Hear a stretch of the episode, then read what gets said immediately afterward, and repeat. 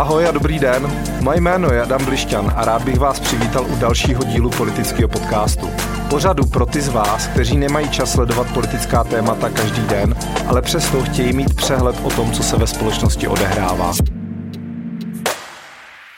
Dobrý den a vítejte u dalšího dílu politického podcastu. Moje jméno je Adam Blišťan a já mám velkou radost, že tady můžu přivítat dnešního hosta, kterým je Daniel Pražák, učitel, autor podcastu o vzdělávání Hovory z kabinetu a člen iniciativy Otevřeno, která pomáhá zlepšovat vzdělávání budoucích pedagogů. Dobrý den a vítejte. Hezký den, díky za pozvání a příjemný poslech posluchačům. Já jenom, když jsem se připravil na tenhle podcast, tak jsem si uvědomil, že to je jubilejní 30. epizoda politického podcastu, takže bych chtěl poděkovat všem vám, kteří pravidelně anebo nepravidelně posloucháte a doufám, že zachováte přízeň i po dnešním dílu. Eh, my tenhle Snad podcast... To nebude tak hrozný. Věřím, že ne. My tenhle podcast nahráváme ve středu 11.11. 11.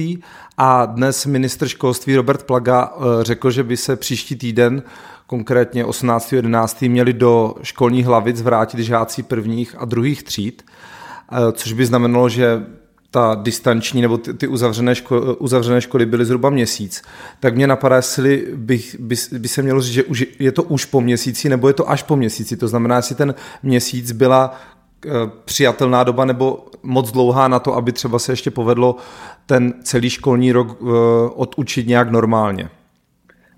Zrovna než jsme začali natáčet, tak, eh, tak jsem četl nějaké schrnutí od Daniela Minicha, což je ekonom eh, z CERGEI a obecně se dá říct, že v našem vzdělávání, jestli nám něco chybí, kromě třeba financí, protože naše školství je dlouhodobě podfinancované, tak nám chybí práce s daty. A jestli někdo ty, ta data má, tak je to právě Dan Minich a ten, eh, ten právě popisoval nějaké studie, které říkají, že vlastně ten jarní čtvrt rok Eh, napáchá velkou škodu eh, ve vzdělávání žáků. Eh, já si netroufám říct, jak je to v tom měsíci. Věřím tomu, nebo chci věřit tomu, že pokud to bude jenom tenhle měsíc, tak se těm dětem mm, vlastně i, na těch, i v těch prvních, druhých třídách podaří najet zpátky do toho vzdělávání, do toho systému. Chci věřit tomu, že to zvládneme, k tomu, co zaznělo v úvodu, a možná když nás posluchači poslouch, budou poslouchat, tak už to všem bude jasné, ale abych přece jenom ještě doplnil, že jde nejenom o ty první a druhé ročníky, ale také o přípravné třídy. A to znamená například děti, které mají odklad, ještě nenastupují do první třídy, ale už se nějak, uh, už nějak vplouvají do toho procesu, ale také, že jde o speciální školy. A to mi přijde velmi důležité, protože na ty děti, které podpor, potřebují nějakou vlastně větší podporu, kterou jim často ten domov nemůže dát. Ve škole například mají asistenta, to při té distanční výuce úplně nejde, tak teď jsem trochu pomotal dvě věci dohromady. Každopádně navážu, jde i o speciální školy. A to mi přijde důležité zmínit. Stejně jako to, že bohužel od toho uzavření, které bylo zhruba před tím měsícem, tak nebyly možné individuální konzultace.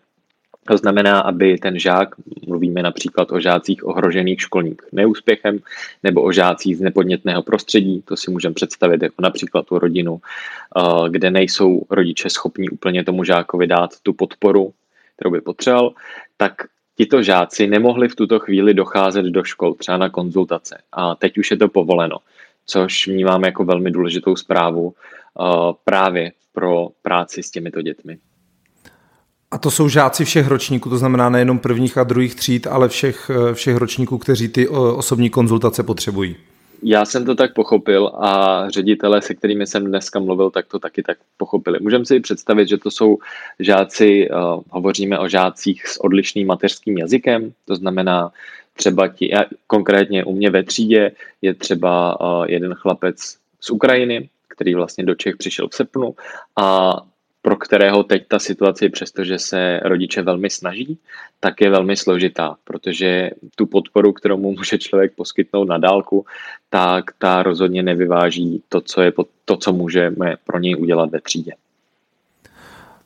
Jednou z, těch, jednou z těch podmínek, proč se děti můžou do, do škol vrátit, tak je, že budou mít, eh, vlastně budou, nebo budou se dodržovat ty hygienické opatření, zejména bude, bude pořád eh, eh, jako nucen, budou nucené nebo bude, bude povinnost nosit roušky, tak mě, mě napadá, jestli je vůbec možné děti v první a v druhé třídě jako udržet tam takovou kázeň, aby třeba ty roušky celou dobu, po celou dobu měly na sobě, jestli vám třeba tohle opatření dává smysl. Jo. Já jsem uh, druhostupňový učitel, v tuto chvíli učím v šestých, sedmých a osmých třídách. Uh, přiznám si, že se mi během září stalo, že jsem suploval na prvním stupni a je pravda, že ten rozdíl uh, pro mě byl obří. Jako udržet si třídu, a teď nemyslím, že by je člověk držel pod krkem nebo že by tam byl jako policajt, ale vůbec mít přehled, být schopen říct, zadání úkolu ve chvíli, kdy všichni mají roušky, tak je nepoměrně těžší. Já věřím tomu a chci věřit tomu, že tato opatření zavádíme na základě nějakých dat a nějakých studií a tak to beru, že mě jako učiteli i když mám vystudovanou biologii, ale nepovažuji se za člověka, který by v tomhle měl mít nějaký silný názor, tak eh, že ta opatření jsou na těchto základech a že jsou smysluplná. A pokud pokud se budeme moci vrátit zpátky do škol a tou podmínkou bude, že budeme mít roušky a že to k něčemu bude, tak mně to přijde rozhodně lepší varianta snad, pokud to ta epidemická situace povolí, to je podmínka, umožní, to je podmínka nutná, tak lepší, než se učit, učit na dálku přes počítače. Dává vám smysl eh, z toho zase, jak se ve školství pohybujete, to, že se nejdřív vrací první a druhé třídy spolu s těmi speciálními eh, školami, jsou, jsou první a druhé třídy těmi, ty, ty třídy, které jsou jako nejvíc postižené tou distanční výukou. Není tam náhodou třeba, mě napadají eh, páté nebo deváté ročníky, které se připravují na, na nějaké přijímací zkoušky, tak jestli, jestli tam není ta potřeba stejně velká, aby se vrátili co nejdřív. Jo, to je skvělá otázka. Zase já můžu odpovídat jako učitel, ale tahle otázka je vlastně spíš na někoho, kdo se třeba vyzná v těch datech, která popravdě ještě nemáme. Ta, o kterých jsem mluvil v úvodu, tak jsou vlastně nějaká, dá se říct, předběžná. My teď třeba máme data České školní inspekce, která ale uh, hovoří vlastně o tom jaru.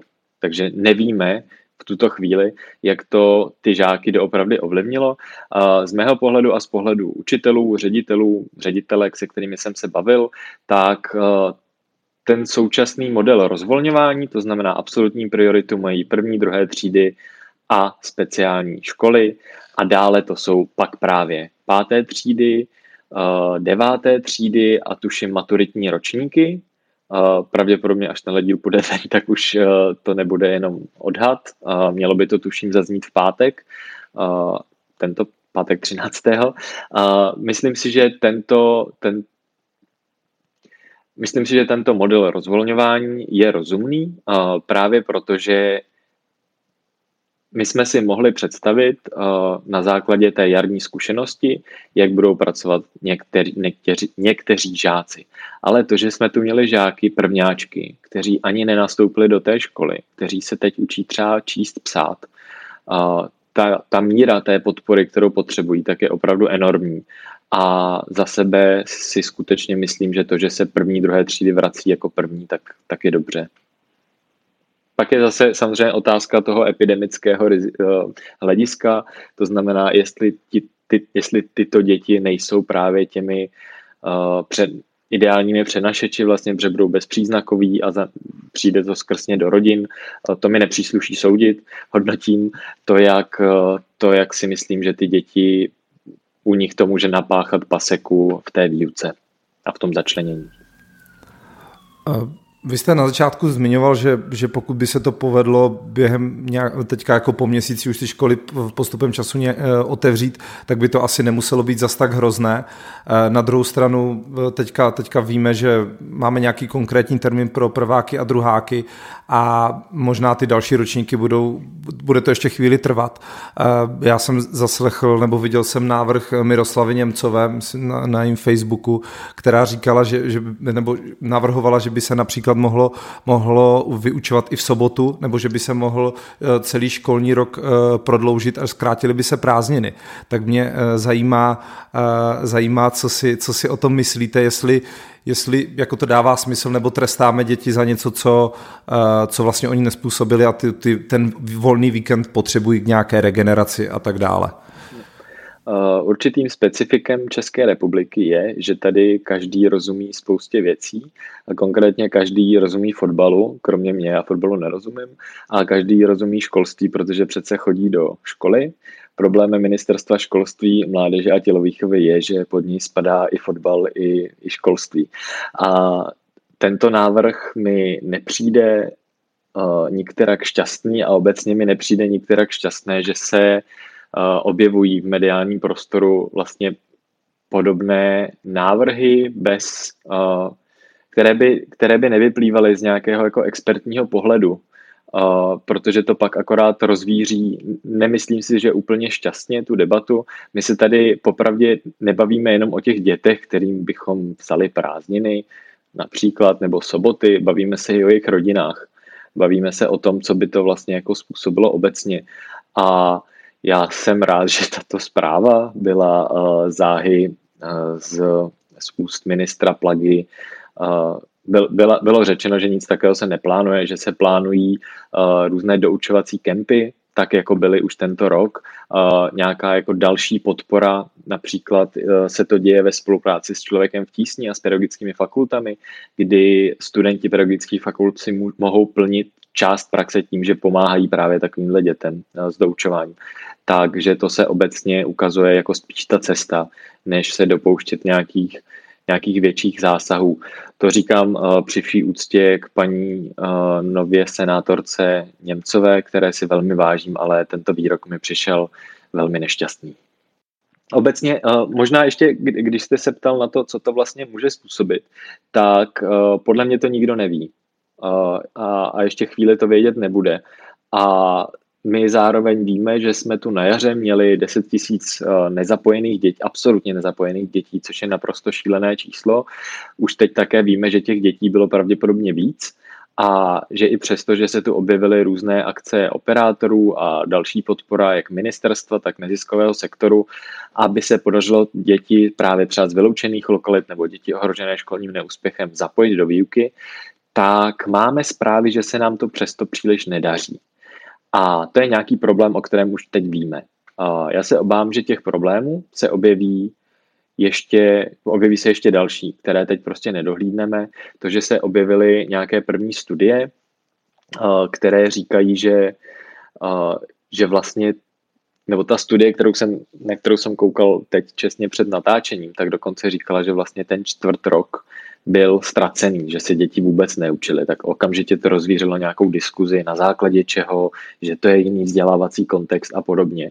To znamená, nechtěl bych se pouštět do takových generalizací a vlastně myslím si, že nej, uh, nejupřímnější odpověď je nevíme a ještě nějakou dobu vědět nebudeme, protože tohle je situace, se kterou se náš vzdělávací systém vůbec nepotkal zatím a problém částečně Eh, když to zobecním, tak naše české školství eh, jako jedno ze specifik je, že má velmi vysokou autonomii. Eh, to znamená, mohou být velké rozdíly mezi školami, tím pádem jsou také velké rozdíly mezi tím, jak se jednotlivé školy popasovaly s tou distanční výukou. A pokud by se posluchači chtěli hm, na nějaká data podívat, tak doporučuji výzkumy OECD a šetření PISA, jejich překlady najdete třeba na stránkách České školní inspekce, které hovoří o tom, že například mezi Prahou a Karlovarským krajem jsou rozdíly až v několika letech školní docházky. To znamená, děti ve stejném ročníku mají natolik jiné podmínky, že to je jakoby mezi nimi bylo několik let školní docházky. A teď si to můžeme představit, co se stalo mm, u těchto dětí v této situaci. Takže jako kdybych to měl jenom možná zjednodušit, takže vlastně ta distanční výuka nebo to, co teďka tady probíhalo, tak ještě rozevřelo víc ty nůžky, protože ti, ti lepší to pravděpodobně zvládli, zatímco ti horší možná vůbec do té školy nebo se na, na tu výuku nepřipojovali. Naprosto, naprosto nepochybně. Tohle je věc, kterou vlastně už jako teď víme zcela jistě, protože víme, jak se jednotlivé školy, můžeme to teď brát z té úrovně škol, Eh, jak se jednotlivé školy dokázaly přizpůsobit té situaci už třeba v tom březnu nebo později, jak na to zareagovali. A to už teď víme, že ty rozdíly mezi školami byly prostě velké, protože, eh, protože to je to specifikum toho našeho systému. Eh, mimochodem jedno sousloví, které opakovaně zaznívá, tak je střední článek řízení, například strategie 2030, o které možná ještě budeme mluvit, tak o něm mluví jako o vlastně nutnosti, kterou tu potřebujeme zavést, což je nějaký mezistupeň mezi ministerstvem a těmi školami, který by právě napomohl třeba pro příště, aby, aby se ty rozdíly vlastně podařilo setřít tak trochu. Jako je to jedno z možných opatření. Mě k tomu hned napadá, že třeba ministr, měl jsem pocit, že ministerstvo zdravotnictví bylo často kritizováno mezi první a druhou vlnou, nebo vláda obecně asi, že neudělala dostatečné pokroky například e, v, v trasování, v vybavení hygien, krajských hygienických stanic a tak dále. Jak je na tom třeba, co ministerstvo školství? Byla, byl tam nějaký posun v tom, jak bylo třeba připraveno před začátkem toho nového školního roku versus e, ta první vlna, na kterou asi nebyl připravený vůbec nikdo? E, pokud srovnám ze svého pohledu učitele jedné pražské základky tu reakci, tak je vlastně dost nesouměřitelná. Konkrétně někdy v srpnu šly manuály, manuály doporučující vlastně postup ještě toho, jak, jak by mohla vypadat třeba hybridní výuka ve chvíli, kdy jedna třída skončí v karanténě nebo učitel je v karanténě a podobně, což se pak třeba stalo mně, protože jsem záhy e, na konci přípravného týdne díky pozitivnímu kolegovi skončil ve 14-denní karanténě a učil jsem vlastně, nebo měl jsem svou třídu e, v těch prvních týdnech na dálku. Uh, to znamená, byly zveřejněny tyhle manuály, zároveň velmi brzy v průběhu září uh, byla vydána další doporučení. Uh, Dá se, dá se okamžitě kontrovat, že srpen uh, těsně před případ, přípravným týdnem je sice lepší než průběh září, ale že by to také mohlo být například v červenci klidně. Uh, to je nesporný fakt. Uh, to, že ti ředitelé zas tak neměli tolik času na to se připravit a že různá, uh, různá vyjádření uh, vlastně nám přímo neindikovala, jestli se tedy ta druhá vlna objeví neob, nebo neobjeví. Ten mediální prostor byl vlastně plný různých spekulací. U nás na škole jsme už v tom přípravném týdnu si třeba říkali, že pravděpodobně to přijde a proto jsme zaváděli nějaká opatření již vlastně od přípravného týdne v srpnu. Nicméně zase jsou školy, které vlastně až se zavřením škol najeli na nějakou přípravu. Znamená, když bych to měl schrnout, myslím si, že ten rozdíl je velký, pořád je ale na čem rozhodně pracovat. Vy jste, když se teďka budeme možná bavit víc o té konkré, eh, konkrétně o distanční výuce, tak vy jste v rozhovoru pro hospodářské noviny řekl, že, což jako asi dává smysl, že eh, distanční výuka je nepoměrně náročnější. Já jsem to pochopil v tom kontextu, že jste to myslel spíš z pohledu učitele, ale chápu, a dostaneme se asi i z toho pohledu od, od žáka, ale z pohledu učitele, v čem je to náročnější? Je to například v tom, že jsou ty materiály, nejsou k dispozici elektronicky takže vy je teďka musíte všechny vytvořit. To znamená, kdyby třeba za pár let přišla nějaká, nedej bože, další vlna, tak už to bude jednodušší, protože už, už to máme vytvořené vlastně? Ne, to si myslím, že tímhle to není. Eh, my tady máme poměrně dlouho například metodický portál rvp.cz, na kterém jsou, eh, je spousta jako materiálů vlastně, který které pardon, by se daly jako jednoduše teď překlopit do toho onlineu. Eh, jde spíš o to, aby ty formy výuky, které používáme, byly efektivně použité i v té distanční formě. Jo? Vlastně jako není řešení to, že jako například někteří učitelé stojí před tabulí a vykládají, tak tohle se vlastně docela jednoduše dá překlopit do toho online. Místo před tabulí ke třídě bude člověk mluvit jako takhle do monitoru. Není to nějak příjemné, ale vlastně tam jako není příliš velký rozdíl třeba v té přípravě. Uh, to není ale úplně efektivní forma výuky. To znamená, pokud chce člověk zařazovat například skupinovou práci nebo vymýšlet nějaké kreativní úkoly pro žáky, tak se vlastně učí nebo připravuje nejenom ten obsah, který těm žákům předává, ale vlastně sám se učí tu novou formu. A když to vemu úplně ze své zkušenosti, tak uh, ve škole uh, při normálním režimu já hodně stavím na skupinové práci. Na jaře se mi to absolutně nedařilo a dal jsem si to jako za cíl, tak jsem si to jako načetl všechno. Já jsem psal diplomku na moderní technologie kdysi, takže všechno, jako co jsem potřeboval, tak jsem k tomu měl. A stejně mi to zabere vlastně dvoj až třínásobek času, abych připravil tu hodinu tak, aby aby byla dobrá. Posluchači možná slyšeli zavrnění, to mě právě vyskočila kočka na záda. No, tak nevím, jestli se to tady už někdy v podcastu stalo. Zatím ne. Takže v tomhle to je. A, a zároveň to, proč učí, učíme jako učitele, když se dopustím nějaké generalizace, tak je právě to, co se děje v té třídě. To, co se děje v kontaktu s těmi žáky. A i když se třeba teď máme na kamerách nebo se slyšíme, tak to vlastně fakt nestačí. Já myslím, že si posluchači dobře vybaví některé jiné činnosti, na které je možné koukat na monitoru, je možné je slyšet a rozhodně to nestačí. Tak podobně je to s tím učením. A vlastně to, co učiteli dává tu energii, tak je právě ten kontakt s žáky. A to teď vlastně není. A v tom je to jako hodně vyčerpávající, zároveň s tím, že to provází řada technických problémů, se kterými si často i zkušení učitele prostě občas nevědí rady. A když si představím toho učitele, který na jaře vlastně začal poprvé učit, já nevím, s použitím Google Classroomu nebo s použitím nějakých jako online aplikací, tak to může být velmi náročné. Zároveň pokud jsou školy, které překlopily rozvrh jedna k jedné, což není vůbec doporučováno, ale jsou takové, to znamená, že vlastně ta škola jede podle klasického rozvrhu jenom online, tak to, že prostě sedíte celý den u počítače, tak je náročné.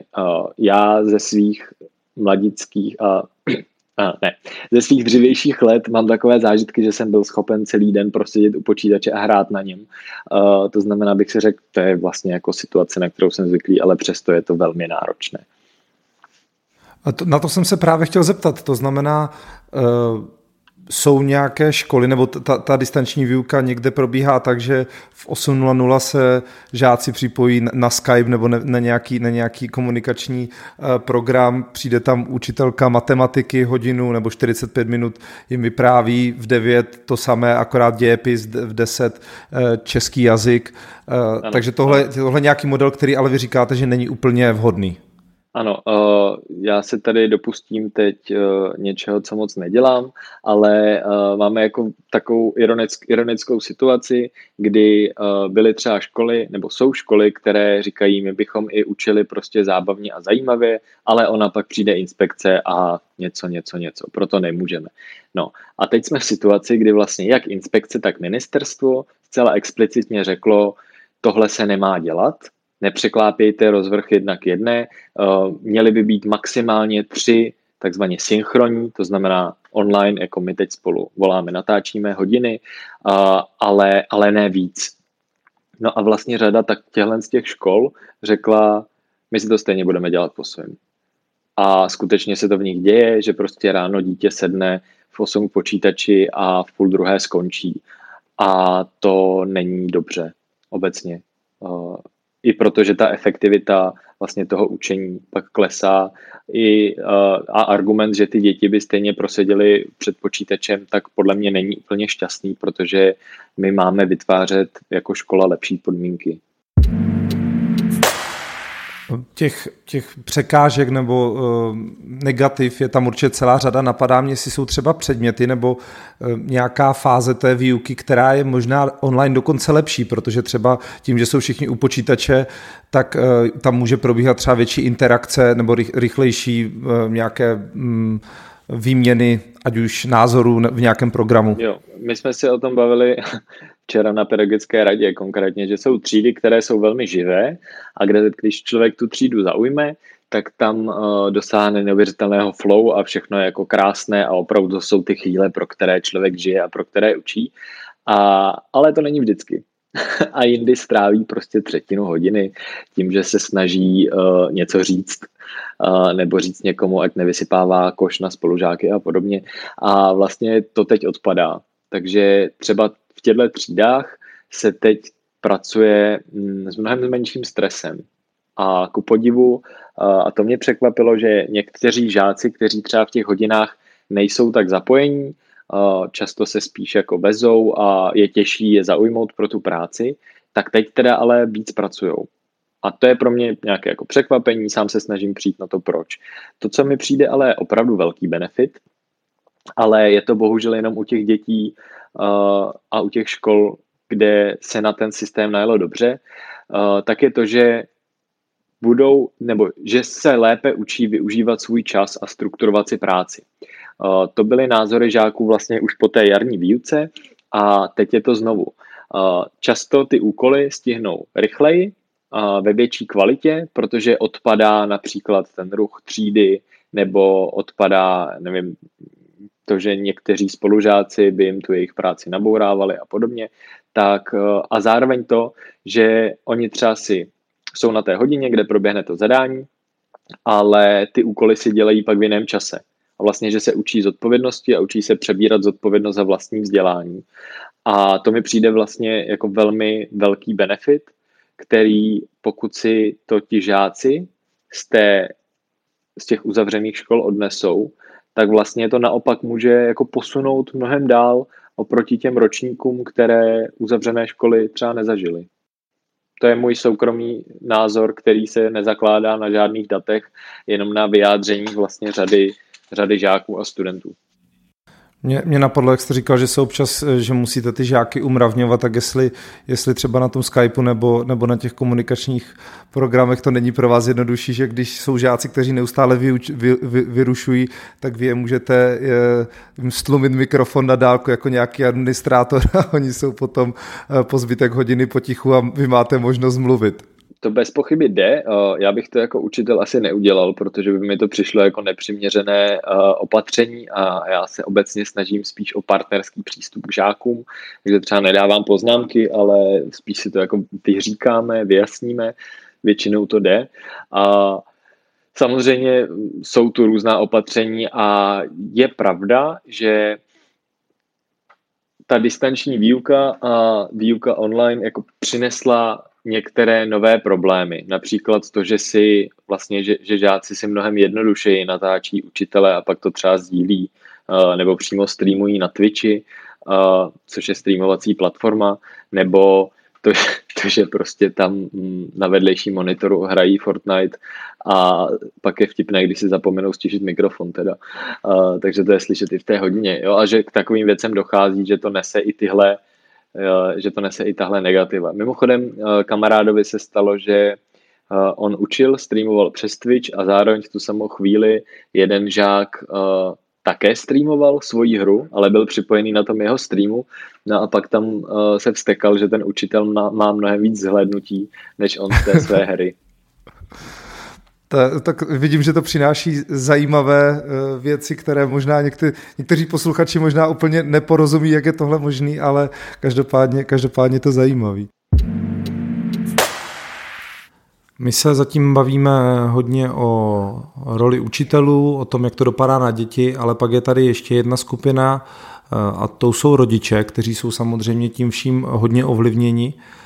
A mě by zajímalo, do jaké míry mohou rodiče svým dětem eh, s celou výukou pomáhat. Vy jste zmiňoval například biologii v 6. 7. třídě, kde už potom eh, možná úplně takové ty běžné znalosti nestačí, stává se to hodně specializované. Tak jestli třeba z tohohle důvodu dává smysl možná ty děti z vyšších ročníků eh, pustit do školy dřív, aby, protože už vlastně jejich rodiče nedokáží jim pomoct tím učivem, zatímco rodiče rodiče nižších ročníků by měli v pohodě zvládat, eh, teď nevím, učivo do páté třídy, nebo takováhle obecná generalizace neplatí?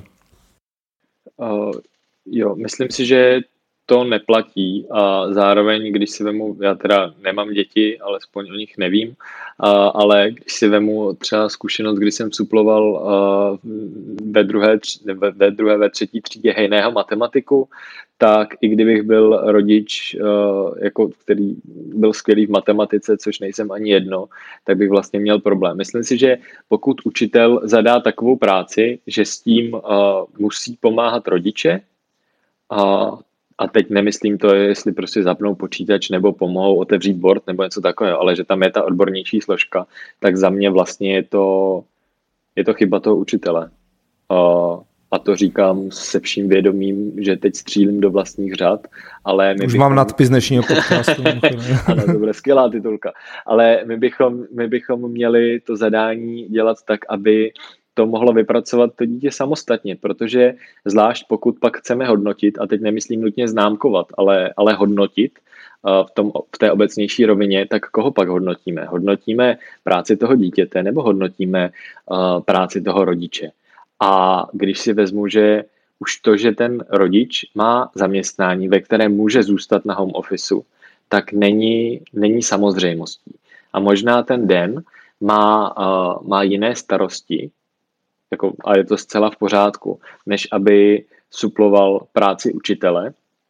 A myslím si, že prostě to, co my jako učitelé teď máme dělat, tak je dávat taková zadání, aby to ty děti zvládly sami, a nebo ještě lépe, dávat taková zadání, aby, uh, abychom vedli děti k pomoci doma. Takže třeba Segra, která učí na prvním stupni, když brali zlomky, tak to aplikovali do vaření a některé úkoly byly pak takové, aby nabídli, uh, nabídli žáci pomoc doma a třeba odměřovali mouku nebo něco takového. Teď, teď už to přesně nepamatuju, ale jako i to je vlastně naším, naším úkolem jako mám, protože jedna jako ze základních věcí, škola má výchovnou a vzdělávací funkci. A my bychom neměli zapomínat na to, že máme uh, i tu výchovnou. Takže já třeba, když dávám nějaká, nějaká zadání, většinou moje hodiny teď probíhají, takže si v nějakých 15-20 minutách uh, se potkáme v tom onlineu, řekneme si, uh, jak na tom teď jsme, co teď třeba řešíme, protože mi přijde důležité vlastně umožňovat žákům i tenhle kontakt mezi sebou. Dáme si nějaké zadání a ve zbytku hodiny žákům doporučím, ať třeba nabídnou pomoc doma nebo pomůžou s učením mladšího sourozence, případně i staršího a, a tak. A, ale nezatěžovat, myslím, že je důležité nezatěžovat vlastně ty rodiče, protože oni sami toho teď asi mají dost. Jo. Mně přijde, mně přijde i jako zajímavé to, že my si řekneme, tak přece každá domácnost má dneska doma notebook, tak za prvé nemá, uh, za druhé možná má a má třeba jako jeden a ve chvíli, kdy má tři děti a nebo i dvě děti, nebo klidně jedno dítě, ale to ten rodič zároveň má být někde v práci na tom home office, tak, uh, tak je to velmi komplikované a já mám situaci rodin, kde Vlastně je to jako velmi dobře zabezpečená rodina s dobrým připojením, mají dva počítače, ale stejně to nestačí a třeba takovouhle rodinu nenapadne, že si může říct uh, o nějakou podporu uh, v podobě dalšího zařízení a podobně. Takže my, když se bavíme o tom, že tu máme uh, rodiny, kde není dostatek techniky, tak si nemusíme představovat jenom nějaké rodiny ve vyloučených lokalitách, ale jsou to prostě rodiny ve velkých městech s normální, nebo s normálním, s běžným příjmem, s normální situací. Ale tahle situace je jako mnohem, mnohem náročnější i, i na tu technickou stránku. A s tím souvisí možná ještě uh, samozřejmě ta technická stránka na straně těch, těch příjemců, to znamená dětí, ale já jsem reagoval uh, na, na jeden tweet, který mi šel hrozně zajímavý, kde se vlastně popisovalo, jak probíhá ten přechod na distanční výuku v jedné nejmenované škole Eh, ne, že bych ji nechtěl jmenovat, ale ona v tom tweetu nebyla jmenovaná, a kde, kde jedna eh, z učitelek popisovala, jak musela všem, všem kolegům, kolegyním pomáhat s nastavením různých předmětů a vypadalo to opravdu, že ta škola je na pokraji nějaké, nebo spousta těch učitelů spíše na pokraji nějakého zhroucení, protože vlastně do toho školství šli s tím, že budou učit a tohle je úplně mimo nějakou jejich komfortní zónu. Nemáte, já vím, že ty data asi za tohle jako nejsou, ale máte nějak, jsou třeba, myslíte, že jsou i učitelé, kteří se na to po tomhle roce třeba uh, vykašlou a řeknou, ale tohle, tohle bylo pro mě moc, jdu třeba dělat něco jiného, protože uh, to školství postupuje někam, kde já už se třeba necítím dobře? Já jsem, eh, já jsem slyšel konkrétní učitele, kterých si moc vážím a kteří jsou skvělí a nejsou ani nějak, jako my to nemusíme vztahovat, že to jsou staří, mladí. Jo, tenhle ageismus vlastně někdy je dost zavádějící obecně. Znám spoustu služebně starších kolegyň a kolegů, kteří jsou naprosto skvělí a spoustu uh, věkově ke mně blízkých kolegyň a kolegů, kteří, uh, kterým to příliš nejde. Ale učitelé, kteří říkali, že pokud by vlastně tohle měl být nový normál, takže vlastně to povolání pro ně v tu chvíli přestává být jako že to přestávají chtít dělat, protože je to jako náročné, je to frustrující a nedává jim to to, co by, to, proč to oni dělají, což je třeba ten přímý kontakt uh, s žáky. A takže dokážu si představit, že uh, nějaké procento a nějaké procento to může odradit. A zároveň to, my se tu ani nemusíme bavit o tom, že by ti lidé odešli. My jsme v situaci, kdy v roce 2019 chybělo nějakých 6 tisíc učitelů a ty predikce na další roky byly, že tenhle trend bude postupovat. To znamená, je možné, že pokud eh, si některý nějaký člověk řekne, tak chci jako do tohohle nastoupit, kde mi vlastně ještě někdo bude říkat, že dělám půlku práce, protože přece online je to půlka práce, tak to si zase dokážu představit, že si to možná uh, ti lidé rozmyslí. A doufám, že ne, doufám, že se pletu. Já tady, a slibuju, že naposledy budu citovat z toho vašeho rozhovoru pro hospodářské noviny, který mimochodem všem doporučuji, by přišel zajímavý, když tak dám eh, link někde, někde pod tenhle podcast. Vy jste tam řekl, že, že uh, i kdyby devátáci neudělali z přírodopisu Eh, vůbec nic, tak se s tím v pohodě, protože jejich úkolem jsou teď primárně přijímačky.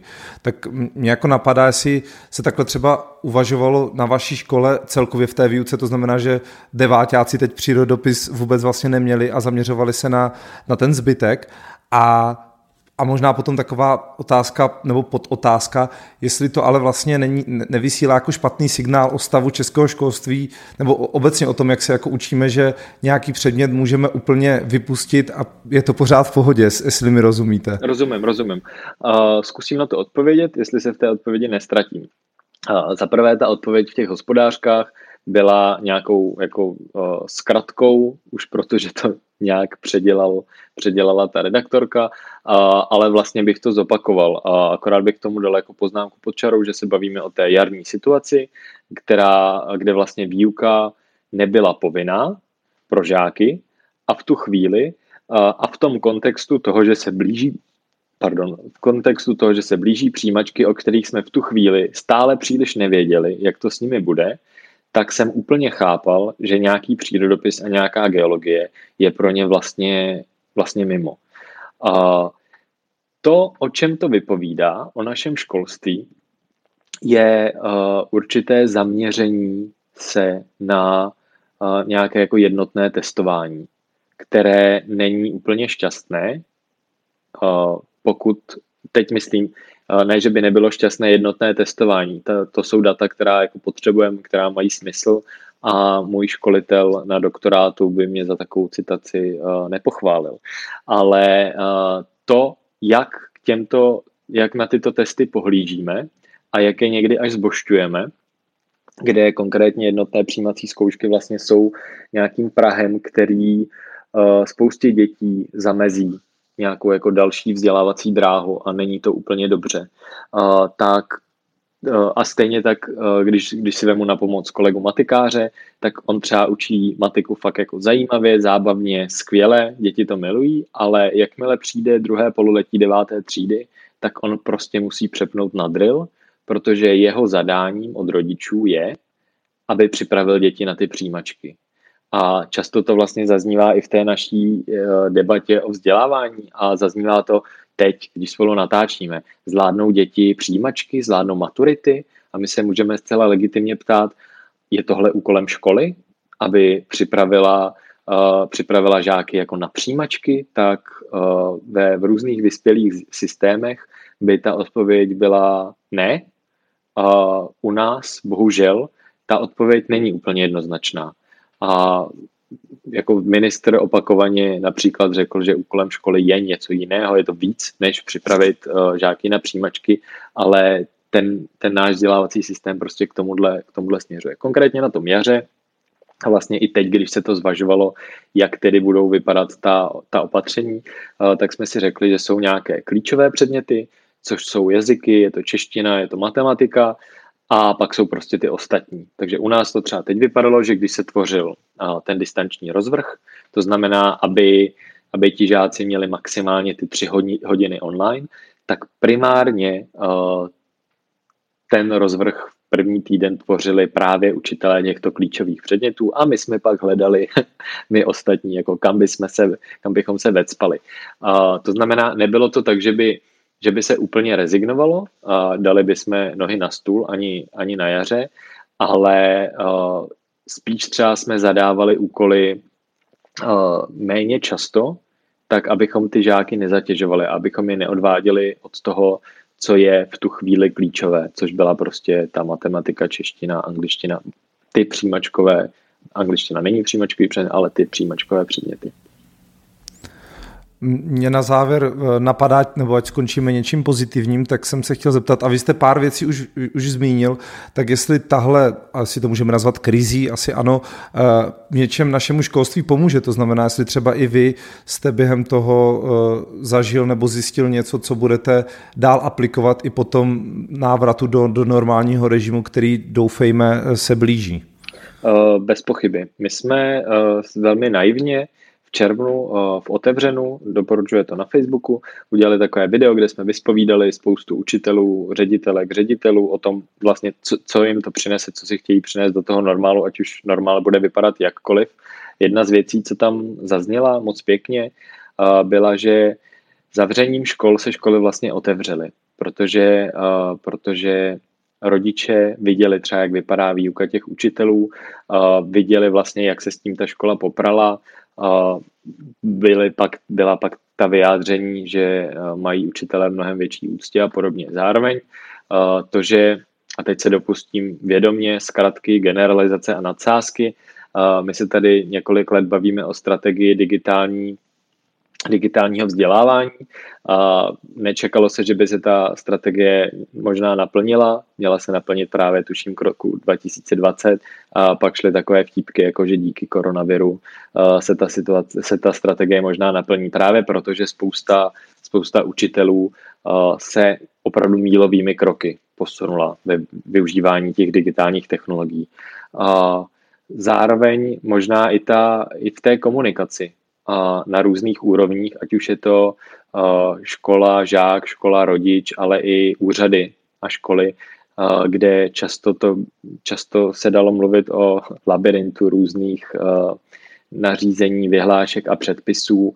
A teď, teď vlastně se, se ta komunikace zlepšuje. Konkrétně třeba to, že si minister udělal Instagram po vzoru Dominika Ferryho, kde vlastně vysvětluje Eh, ta opatření, eh, to, že to, že web, eh, weby ministerstva jsou o něco přehlednější, že ta komunikace se zlepšuje, to je další věc.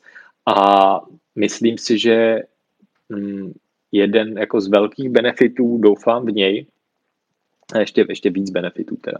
Tak jeden, jeden z nich je to, když jsme se tu bavili o těch nerovnostech, o kterých jsem mluvil už dříve. Ale uh, ta jarní situace a vlastně i ta současná situace tento problém nasvítila poměrně razantně.